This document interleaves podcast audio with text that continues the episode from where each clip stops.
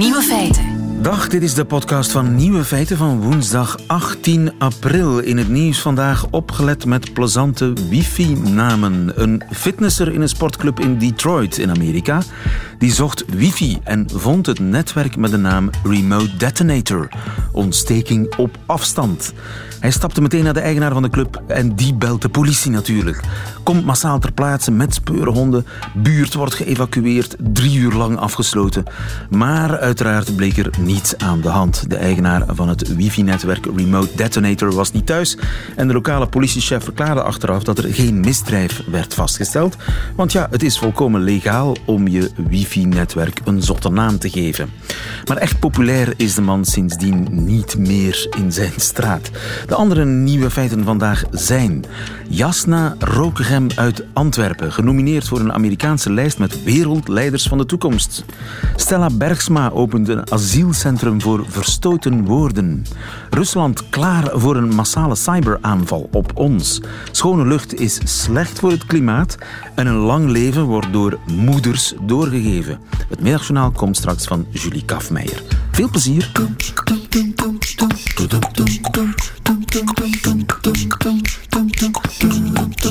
Nieuwe feiten. De Russen komen, zij deze keer niet met raketten of met tanks, maar via internet. Mark Vaal, goedemiddag. Goedemiddag. Meneer Vaal, u bent uh, expert cybersecurity. En het zijn uh, de Amerikanen en de Britten die daarvoor waarschuwen dat de Russen helemaal klaar zijn voor de grote cyberaanval. Ze zouden zelfs zijn geïnfiltreerd tot in onze routers. Wat betekent dat?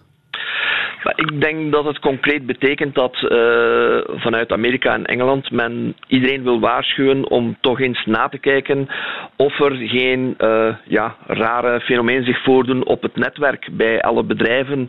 Um, nu, het is niet de eerste keer dat men dat doet, maar uh, naar aanleiding van de gebeurtenissen in het Midden-Oosten wordt natuurlijk alles een beetje op scherp gezet. Ja. En vandaar dat men die cyberwar een beetje verwacht. Maar routers infiltreren, routers, dat zijn een soort ja, kruispunten van het internet, knooppunten?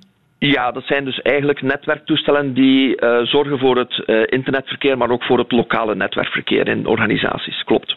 En dus als de Russen daarin zitten en dat kunnen lamleggen op grote schaal, kunnen ze eigenlijk het hele internetverkeer lamleggen in een land? Wel, um, dat is al gebeurd. Hè. In Estland in 2007 heeft men al zo'n grap uitgehaald. In april 2007 hebben de Russen of Russisch geallieerde uh, organisaties een compleet uh, land platgelegd, cyberwar in Estland. Uh, en je en zegt dat het was een grap? Was het, was het voor de grap? Nee, wel, toch? Het, wel, het was omwille van het feit dat een standbeeld van, was verplaatst naar een locatie die men als Russische ingezeten niet zo leuk vond. En dus, dat was een, dus het was eigenlijk een futiele aanleiding om een volledig land platleggen. Nu, Estland had ook het nadeel dat zij zeer zwaar digitaal ja. uh, zijn. En vandaar dat ze toch wel er veel verleden Nu als tegenmaatregel heeft de NATO dan zijn hoofdbasis voor cybersecurity in Estland gezet. Dus dat ja. houdt dan een stukje tegen. Maar goed, als je het internetverkeer in een land lam legt, dan uh, leg je dat hele land lam. Want niets werkt nog zonder internet. Hè? Communicatie, wel, verkeer, betalingen. Ja, klopt. Uh, we zijn heel sterk afhankelijk geworden van uh, internetverkeer, ook als wij het soms zelf als uh, gebruiker niet beseffen, inderdaad. Dus niet enkel websites, maar inderdaad alle apps die op onze smartphones draaien, zijn ook afhankelijk van het netwerkverkeer. Nu, zo'n aanval is wel heel complex uit te voeren. Om een groter land dan Estland neer te halen, heb je wel heel wat middelen nodig. Um, en maar die middelen hebben ze in Rusland. Ik bedoel, daar zijn heel veel mensen continu mee bezig. Dat klopt. Um, en het zijn niet enkel de Russen die daarmee bezig zijn trouwens. Er zijn ook veel andere landen die daarmee gespecialiseerd zijn. Um, zoals China en Noord-Korea. Um, die ook dergelijke activiteiten uh, zeer goed uitvoeren. Ja, maar dus je hebt eigenlijk geen kernwapens meer nodig om een land op de knieën te krijgen. Je kan het gewoon op afstand gewoon doen stilvallen. Maar dat is al meer dan tien jaar het geval. Dus eigenlijk de land zijn in de lucht is inderdaad achterhaald, want cyber is inderdaad de vierde uh, ja. mogelijkheid. Maar de Russen zetten daar heel specifiek heel zwaar op in. Ja, Um, omdat zij inderdaad daar een, ja, een soort aversie hebben tegen het feit dat zij vinden dat. Uh, uh, ja, zij willen ter terugtreffen eigenlijk. Dat willen zij doen. Um, nu, het, het, is altijd zeer moeilijk om te bepalen van waar het juist gebeurt. Het internet is zo opgebouwd dat het in theorie niet kan platgaan. Uh, en om echt de tien grote nodes wereldwijd tegelijk uit te leggen, om het Hansen internet plat te leggen, daar heb je toch wel, dat is nog nooit gebeurd. Er zijn er een aantal neergelegd, maar nooit allemaal tegelijk. Maar ze kunnen natuurlijk ook specifiek uh, ziekenhuizen bijvoorbeeld lam leggen, of kerncentrales. Is dat mogelijk? Dat ze de kerncentrale in de war sturen?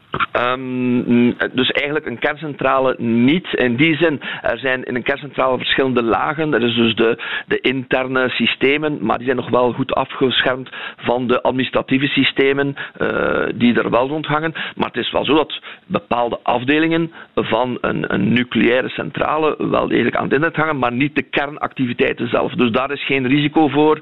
Um, dat risico is zeer beperkt. Maar inderdaad, ja, hoe meer je koppelt aan een netwerk, hoe groter de kans is dat men door de verschillende laagjes doorvelt. En je mag niet vergeten dat dergelijke mensen heel veel geduld hebben. Dat duurt soms vijf tot tien jaar eer men eigenlijk tot in de, de nucleus geraakt. Uh, bijvoorbeeld wat, men, wat de Israëli's gedaan hebben met, uh, in Iran met een nucleaire centrale. Dat was niet de nucleaire centrale zelf, maar wel via een aantal technieken. Vijf jaar gewacht om het te laten uh, uitvinden. Het Stuxnet-verhaal is daarvoor ja, goed beschreven. Het is, het is een sluipend geven, onzichtbaar wapen. Ja. De Britten en Amerikanen waarschuwen waarschijnlijk vooral hun eigen uh, landen en bevolkingen.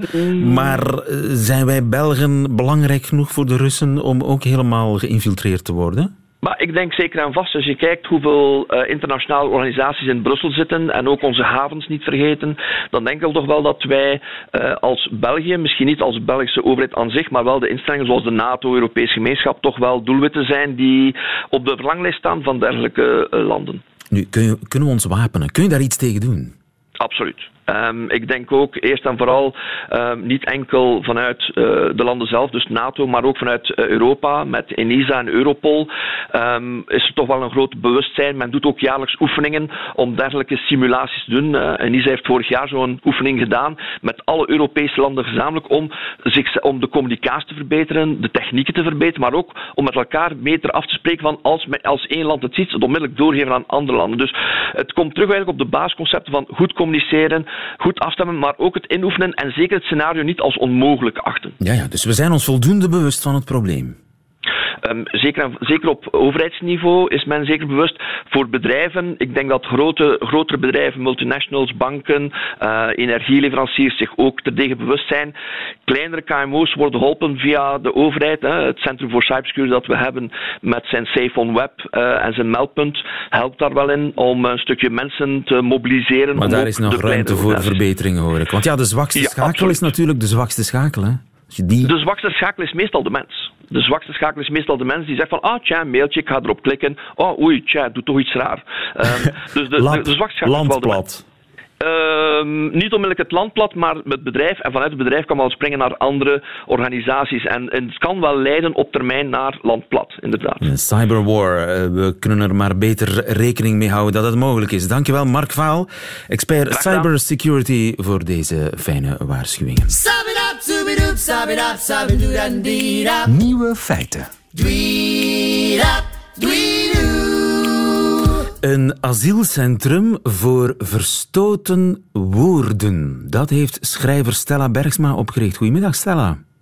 Goedemiddag. Jij neemt het op voor schuldige woorden. Noem eens een paar schuldige woorden. Ja, schuldige woorden. Tegenwoordig zijn het er steeds meer. Maar ja. uh, ik heb er een stukje op geschreven en daarin staan onder andere. Nou ja, uh, ja, ik durf ze bijna niet op de radio te zeggen. Doe maar, doe maar. Neger is een hele schuldige, die kan echt niet meer. Uh, maar kanker is, dat wordt het K-woord, negen wordt het N-woord. Uh, en dat zijn allemaal woorden die, waarvan ik uh, misschien ook wel vind dat ze niet kunnen in een context, uh, bijvoorbeeld als je tegen een persoon zegt, maar dat ze in abstractum niet zouden kunnen, vind ik best wel heel dramatisch. Dus die woorden hebben volgens jou niks misdaan? Die hebben niks misdaan. Sterker nog, die zijn de dappere dragers van hun betekenis. Die zijn er om ons aan, met elkaar te laten communiceren. En dus... dus als wij die woorden zeg maar verbieden, dan komen er nieuwe woorden voor datzelfde begrip. En dan zijn die woorden weer fout. Maar het zijn niet de woorden die fout zijn, het is onze intentie die fout is. Als wij bijvoorbeeld iemand uitschelden, dan ligt dat niet aan het woord. Het ligt aan wat wij ermee doen. Dus niet het woord zelf kwetst, maar onze duiding, onze vooroordelen. Onze intentie, ja. die in dat woord gekropen is. Die in dat woord gekropen is. Want als je bijvoorbeeld neger bekijkt, dat, dat betekent eigenlijk van oorsprong natuurlijk gewoon zwart van negro. En dat uh, uh, heeft bij ons een hele denigerende betekenis gekregen. Hoer is eigenlijk gewoon een beroep. En hoer wordt nu gebruikt om vrouwen te vernederen. Dus dat woord krijgt die, die, die vieze lading die eigenlijk in ons zit. Dus het was eerst een neutraal woord, een heel normaal, fatsoenlijk woord. Vervolgens beladen wij het met alle zonden. Ik weet niet, ja, ik weet niet zeker of alle woorden neutraal zijn hoor, want wij zijn niet neutraal. Maar, maar het gaat mij erom dat die woorden uh, de schuld krijgen van iets wat eigenlijk in ons zit. Wij zijn eigenlijk zoals een spons die gif opneemt, zijn wij het gif. En die spons is eigenlijk gewoon een spons. Woorden zijn letters in een bepaalde volgorde. Ja. Woorden moeten gevierd worden, want de woorden die zijn er. Kanker is een heel goed voorbeeld. Kanker is er, als een dokter dat niet kan zeggen, kan hij niet, kan hij niet zeggen wat je hebt. Dus kanker is er eigenlijk om iets te pinpointen, wat, waarvan het heel belangrijk is dat we het kunnen diagnosticeren, dat we het kunnen duiden. En wij gaan ermee doen alsof het een soort besmettelijk, alsof je als je het woord hardop zegt, dat je het er al van krijgt, bij wijze van spreken. Ja, en we kunnen die woorden wel wegdoen en nieuwe woorden bedenken, maar ja, die nieuwe woorden die gaan weer spons spelen voor onze zwarte gevoelens. Zo, dat heb je heel mooi gezegd. Dankjewel, Stella. Zo is het, zo is het precies. Het zijn uh, woorden die wij eerst uh, verwekt hebben en dan uh, verschopt. Ja. Vandaar jouw Verschoppen op... als bastaardkinderen. Als ja, bastaardkinderen. En, en, en, ik hou van ze. En want ik hou van alle woorden. En alle woorden zijn evenveel waard. En ik vind dat iemand op moet komen voor de woorden. Want die kunnen niet opkomen voor zichzelf. Vandaar het opvangcentrum. Wat doe je daar met ja. die woorden, Stella? Nou, daar, daar, daar praten we samen en daar, daar, daar vertel ik ze. daar praat, en daar lees ik ze voor uit mijn kant. Foei, Stella. Maar, maar... Ja, zie je wel? Dat, dat, is dan ook weer, dat zijn ook stoute woorden ja. in een boek. Maar mogen ze van jou ook af en toe weer in een zin komen als jij een stukje schrijft? Ik vind, uh, ik vind dat ze in abstractum zeker mogen. Ik vind het heel erg raar om bijvoorbeeld het N-woord te zeggen als je, als je het abstracte woord, dus niet als ik het tegen iemand zeg. Want, want ik snap dat ik het niet tegen iemand moet zeggen, omdat ik diegene niet wil vernederen of beledigen. Maar als ik gewoon zeg het woord neger, dus in een abstracte zin, vind ik het heel raar om dan het N-woord te zeggen. Ook omdat je dan dat woord, iemand anders dat woord in zijn eigen hoofd laat zeggen. Ja, woorden uh, zijn uh, niet schuldig of zijn niet bedoeld om verboden te worden. Dus laat ik het zo samenvatten. Dankjewel, Stella.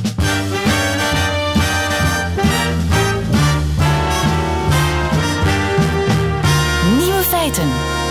Schone lucht is soms slecht voor het klimaat. Het klinkt helemaal mesjogge, ik weet het, maar een Noorse klimaatwetenschapper die zegt het.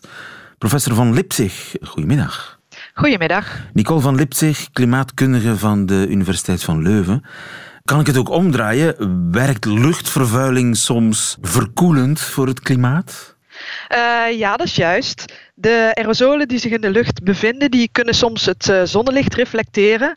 En die hebben daarom een koelend effect op het klimaat. Dus uh, bepaald type aerosolen, vooral sulfaat-aerosolen, koelen het klimaat. En aerosolen, dat is gewoon luchtvervuiling? Uh, luchtvervuiling is wat breder dan aerosolen. Dus aerosolen zijn een onderdeel van de luchtverontreiniging. En uh, aerosolen hebben inderdaad ook een, uh, een, een, slechte invloed op onze gezondheid. Maar een positieve invloed op het klimaat. In die zin, uh, ze gaan de opwarming van het klimaat tegen, doordat ze het zonlicht reflecteren. Ja, dat is juist. Dat is juist. Dus dat is eigenlijk al heel lang bekend um, dat een uh, deel van de aerosolen het zonnelicht reflecteren en daardoor netto gezien over de hele aarde een koelend effect hebben. Dus als je ergens de luchtvervuiling vermindert, dan wordt het positieve effect van minder CO2 deels niet gedaan door het negatieve effect van minder aerosolen. Uh, ja, dat is juist. Er zijn natuurlijk heel veel verschillende effecten op het klimaat. Uh, CO2 is het belangrijkste effect, dus dat is het dominante effect. Als wij meer CO2 gaan uitstoten, dan zal dat de grootste forcerende factor zijn op het klimaat. Uh, maar er zijn ook inderdaad een aantal andere effecten, zoals aerosolen, zoals landgebruikverandering, die ook het klimaat beïnvloeden, waar we dus rekening mee moeten houden. Ja. Is een lage emissiezone dan eigenlijk wel zo goed voor het klimaat? Uh, Jazeker, dus een lage emissiezone uh, is noodzakelijk. Um, de uh, verbranding van fossiele brandstoffen werkt dus op twee manieren. Dus we hebben enerzijds de emissies van broeikasgassen en anderzijds de emissies van aerosolen, waar we het net over hadden. Uh, maar die emissie van broeikasgassen die moeten hoe dan ook omlaag, omdat dat de dominante factor is. Dus de, de correcte conclusie is niet doorgaan met luchtvervuiling? Absoluut niet, absoluut niet. Dus uh, de luchtverontreiniging en de aerosolen die uh, hebben een zeer uh, slechte invloed op onze gezondheid. kleine deeltjes die kunnen in onze long, in onze bronchie komen. die zijn kankerverwekkend. Um, de VMM zegt dat er een verlies is van één gezond levensjaar in Vlaanderen uh, door fijnstof. Dus dat is zeer belangrijk dat dat gereduceerd wordt. Uh, maar inderdaad, uh, we, we, moeten daar rekening mee houden um, bij de targets van Parijs van de maxima van 2 graden. De correcte conclusie is wel degelijk dan dat we CO2 nog meer naar beneden moeten halen. Dus inderdaad, dus hoe schoner de lucht wordt, hoe, uh, hoe meer de CO2 ook omlaag moet om die 2 graden target te halen. Um, maar dat wordt ook wel in rekening gehouden in Parijs. Uh, dus we hebben um, een heleboel uh, factoren, zoals ik eerder al zei, die ook het klimaat beïnvloeden. Die zorgen natuurlijk op een soort van onzekerheid. Hè, dus wat voor CO2-uitstoot reductie is nodig om die 2 graden target te halen. En die onzekerheid uh, die wordt wel degelijk in rekening genomen en die, die wordt ook um, iedere keer geüpdate als er nieuwe wetenschappelijke informatie beschikbaar komt. Nicole van Lipzig, dankjewel. Ja. Goedemiddag. Oké, okay, goedemiddag. Dag. Nieuwe feiten. Wie zijn de Mark Zuckerbergs van de toekomst? Of de Steve Jobsen of de Bill Gatesen voor mijn part? Ze staan misschien op de lijst van het MIT, het Massachusetts Institute for Technology, de bekendste technische universiteit van de wereld. Die komen elk jaar met een lijst met mensen dan jonger dan 35, die volgens hen de leiders van morgen zijn. En kijk eens wie op die lijst staat. Jasna. Goedemiddag, Jasna. Goedemiddag. Jasna Rokegem uit Antwerpen. Boem petaat zomaar op die lijst van de 35 leiders van de toekomst van het MIT. Is dat een verrassing voor jou?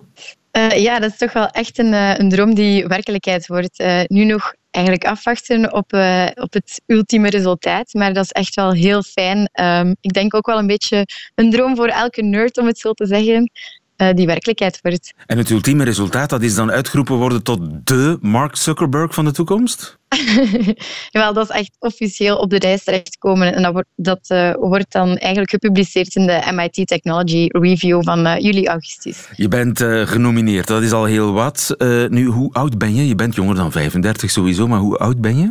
Ja, inderdaad, 10 jaar jonger. 25. En inderdaad. mag ik jou modeontwerper noemen?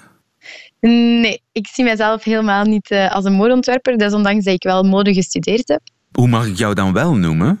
Wel, inderdaad, dat is een, uh, een hele goede vraag. Ik denk dat ik zelf nog op zoek ben naar de juiste term, maar ik merk gewoon elke keer als mensen mij in een hokje proberen plaatsen, dat ik uh, die muren terugsloop. Nu, ik ben dus geen pure designer, geen ingenieur en geen neurowetenschapper, maar ik wel, ben wel de pionier die eigenlijk die drie werelden aan elkaar koppelt. Je maakt dus kleren, eigenlijk... hè? dat is wel zo. Je maakt kleren. Eh, wel, um, ja, ik maak kleren, uh, maar ik zie dat eigenlijk eerder als mijn interface of mijn radiochannel of mijn televisie, om te laten zien waar de toekomst naartoe gaat. En om dat eigenlijk ook heel tastbaar en verstaanbaar te maken voor een groter publiek. Je maakt kleren die eigenlijk toestellen zijn. Ik doe maar een gok, hè?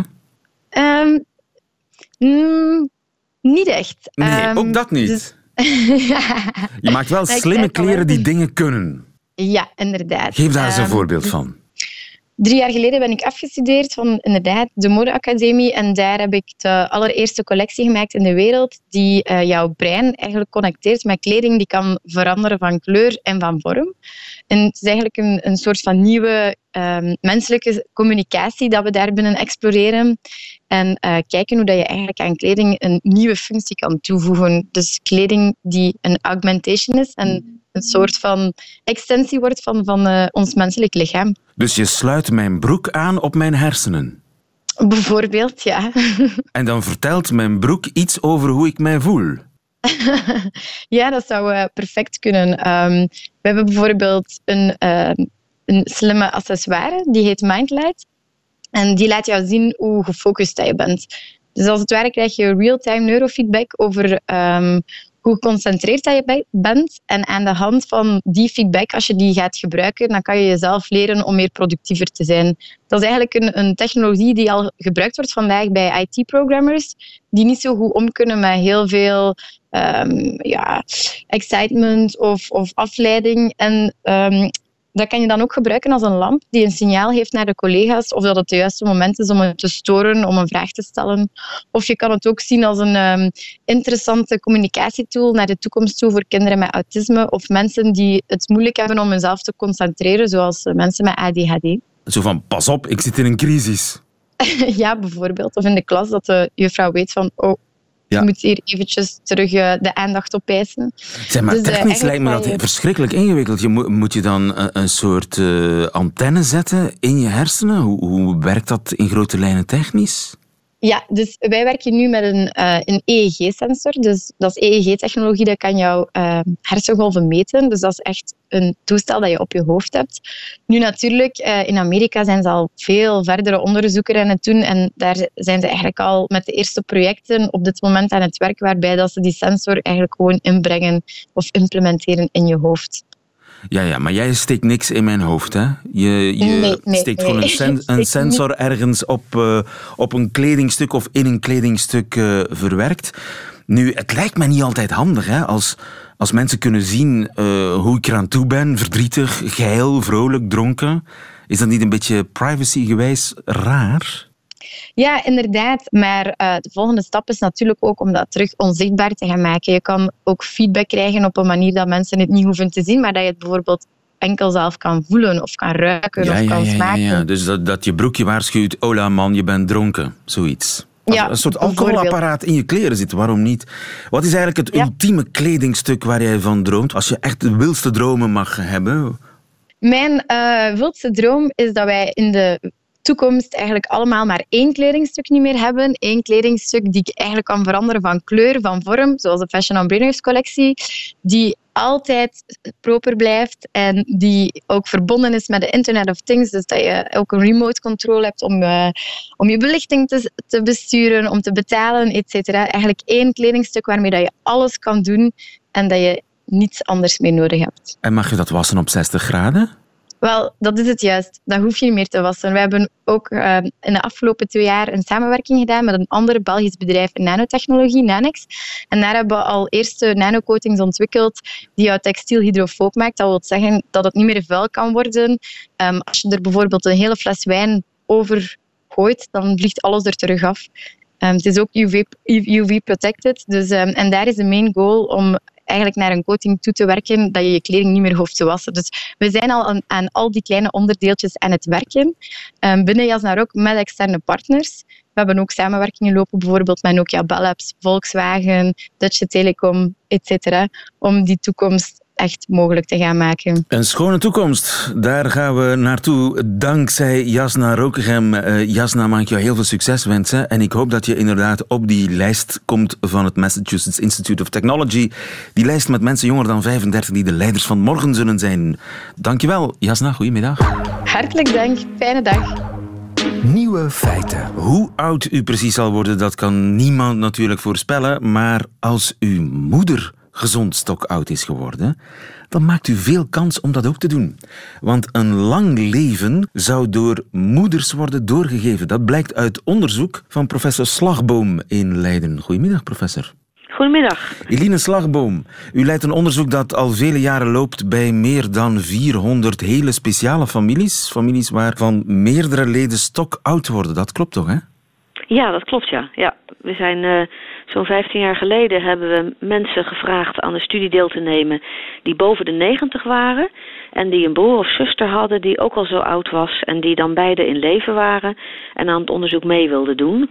En we hebben bij hen en bij hun levende kinderen, die kinderen waren dan van middelbare leeftijd, hebben we dan heel erg onderzocht hoe ze eigenlijk zo gezond oud worden. En de studie waar u nu naar refereert is eigenlijk dat we bij alle broers en zusters van deze 90-plussers uh, eh, hebben gekeken hoe oud ze eigenlijk zijn geworden en ook bij hun ouders. En wat blijkt? En dan blijkt eigenlijk dat uh, voor die gezinnen waarin de broers en zusters samen het alleroudst zijn geworden, dat dan steeds eigenlijk uh, de moeder is geweest die dat door heeft gegeven. En dan was dat een langlevende moeder als zij dus ook boven de 95 jaar werd.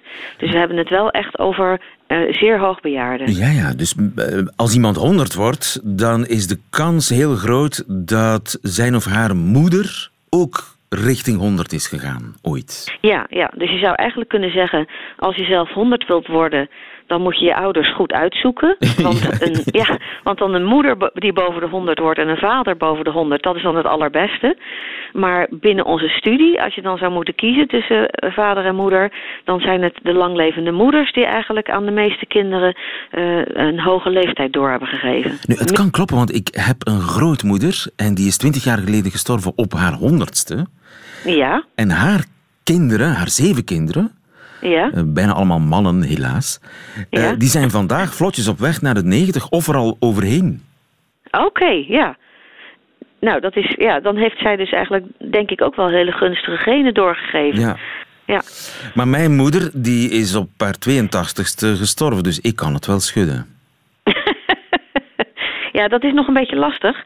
Want, want eh, het, de eigenschap om heel erg oud te kunnen worden, die wordt natuurlijk vaak door allerlei omstandigheden gedwarsboomd. Hè? Als mensen toch ziek worden aan infecties of auto-ongelukken. Of, dus ja, het is geen garantie natuurlijk, je kunt ook pech Het is geen garantie, nee. Dus, dus als uw moeder bijvoorbeeld nog een aantal broers en zusters had die ook weer oud zijn geworden, dan gaan uw kansen er weer aanzienlijk op vooruit. Ja, ja, ja, ja. ja. Nee, dat is niet het geval. Mijn, mijn moeders familie, daar, daar worden ze geen ah, helaas. Ja, ja, nee, nee. Dat is maar dus jammer. vaders hebben geen of nauwelijks invloed dan?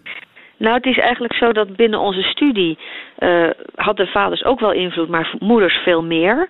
En dat is eigenlijk anders dan we hadden verwacht. Want je hebt het hier over uh, vaders en moeders die ongeveer in 1850 zijn geboren. Laten we zeggen 20 jaar later hun kinderen hebben gekregen.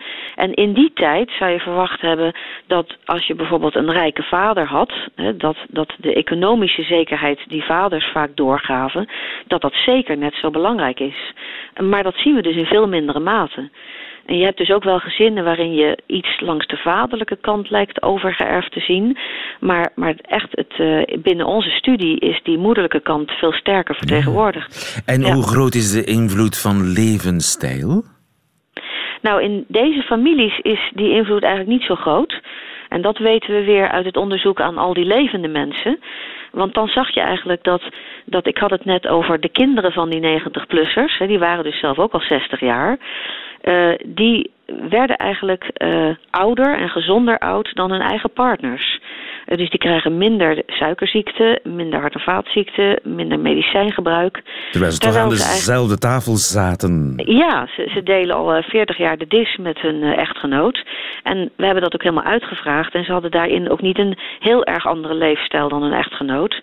Terwijl ze toch veel gezonder oud worden. Dus dat, dat zit hem dan toch in die familiaire achtergrond en in die genen. In de genen. En hebben we daar al enig idee waar we de sleutel moeten zoeken in die genen? Ja, we hebben, we hebben wel het, een idee waar we het moeten zoeken. En ons onderzoek heeft ons dan weer wat meer met de neus op de feiten gedrukt. Um, want als moeders het doorgeven aan kinderen en vaders in veel mindere mate, dan denk je eigenlijk meteen aan het DNA wat je vooral van je moeders krijgt. En dat, uh, van, uh, dat is het DNA in de mitochondriën. En de mitochondriën, dat zijn eigenlijk je energiecentrales van je cellen we weten al dat die hartstikke belangrijk zijn voor veroudering. En het zou dus kunnen zijn dat je daarin een gunstige uh, versie van krijgt van die moeders, die heel oud zijn geworden. Dat is één verklaring. En we hebben tot nu toe in onze studie nog niet zo heel erg ingezoomd op die mitochondriën. Dus, dus dat, dat, ja, dat is eigenlijk nieuwe kennis waar we dan weer heel erg de diepte in kunnen gaan. Ja, dat is de, de heilige graal van de geneeskunde, hè? Ja, dat is de heilige graal van de geneeskunde, ja, inderdaad. De ouderdomssleutel vinden ergens in de genen. Ik wens je daar heel veel succes uh, bij. Dankjewel, Eline Slagboom, professor in Leiden. Dank u wel. Goedemiddag. Goedemiddag. Middagjournaal nu met Julie Kafmeijer. Wat zijn haar nieuwe feiten? Nieuwe feiten. Middagjournaal. Deze morgen was ik in Café Robinson op de Vogelmarkt. Aan de toog zit een man van rond de zestig. Hij zegt: Weet je hoe lang het geleden is dat ik mijn vrouw nog eens heb aangeraakt? Vandaag is dat al zeker 25 jaar geleden. Ken jij de stilte van twee mensen in een bed die elkaar niet meer aanraken? Ik weet niet of we er op den duur geen zin meer in hadden of we niet meer durfden. Het is gewoon gestopt. Nu hebben we aparte slaapkamers. En weet je wat grappig is? Nu ben ik 65 en er komt terug iets naar boven. Ja, de laatste tijd zie ik haar op de gang en denk ik: ik heb er zin in. Ik wil haar aanraken. Haar lange zijden nachtjapon uittrekken en dan zachtjes met mijn hand tussen haar dijen, terwijl ik haar weer kus in haar nek naar haar oor en dat ik dan fluister dat ik haar heb gemist. Dat ik haar zo heb gemist. Hij betaalt zijn koffie en staat op. Hij zegt: Ik denk dat ik er vanavond eens aan ga beginnen. Ja, als ik dat zou doen, als ik dat zou durven, mag je dat gerust beschouwen als een seksuele revolutie in een slaapkamer.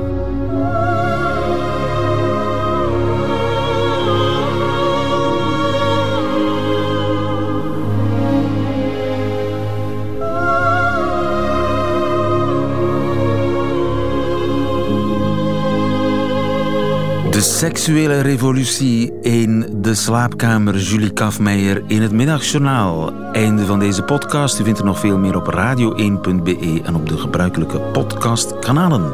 Tot nog eens.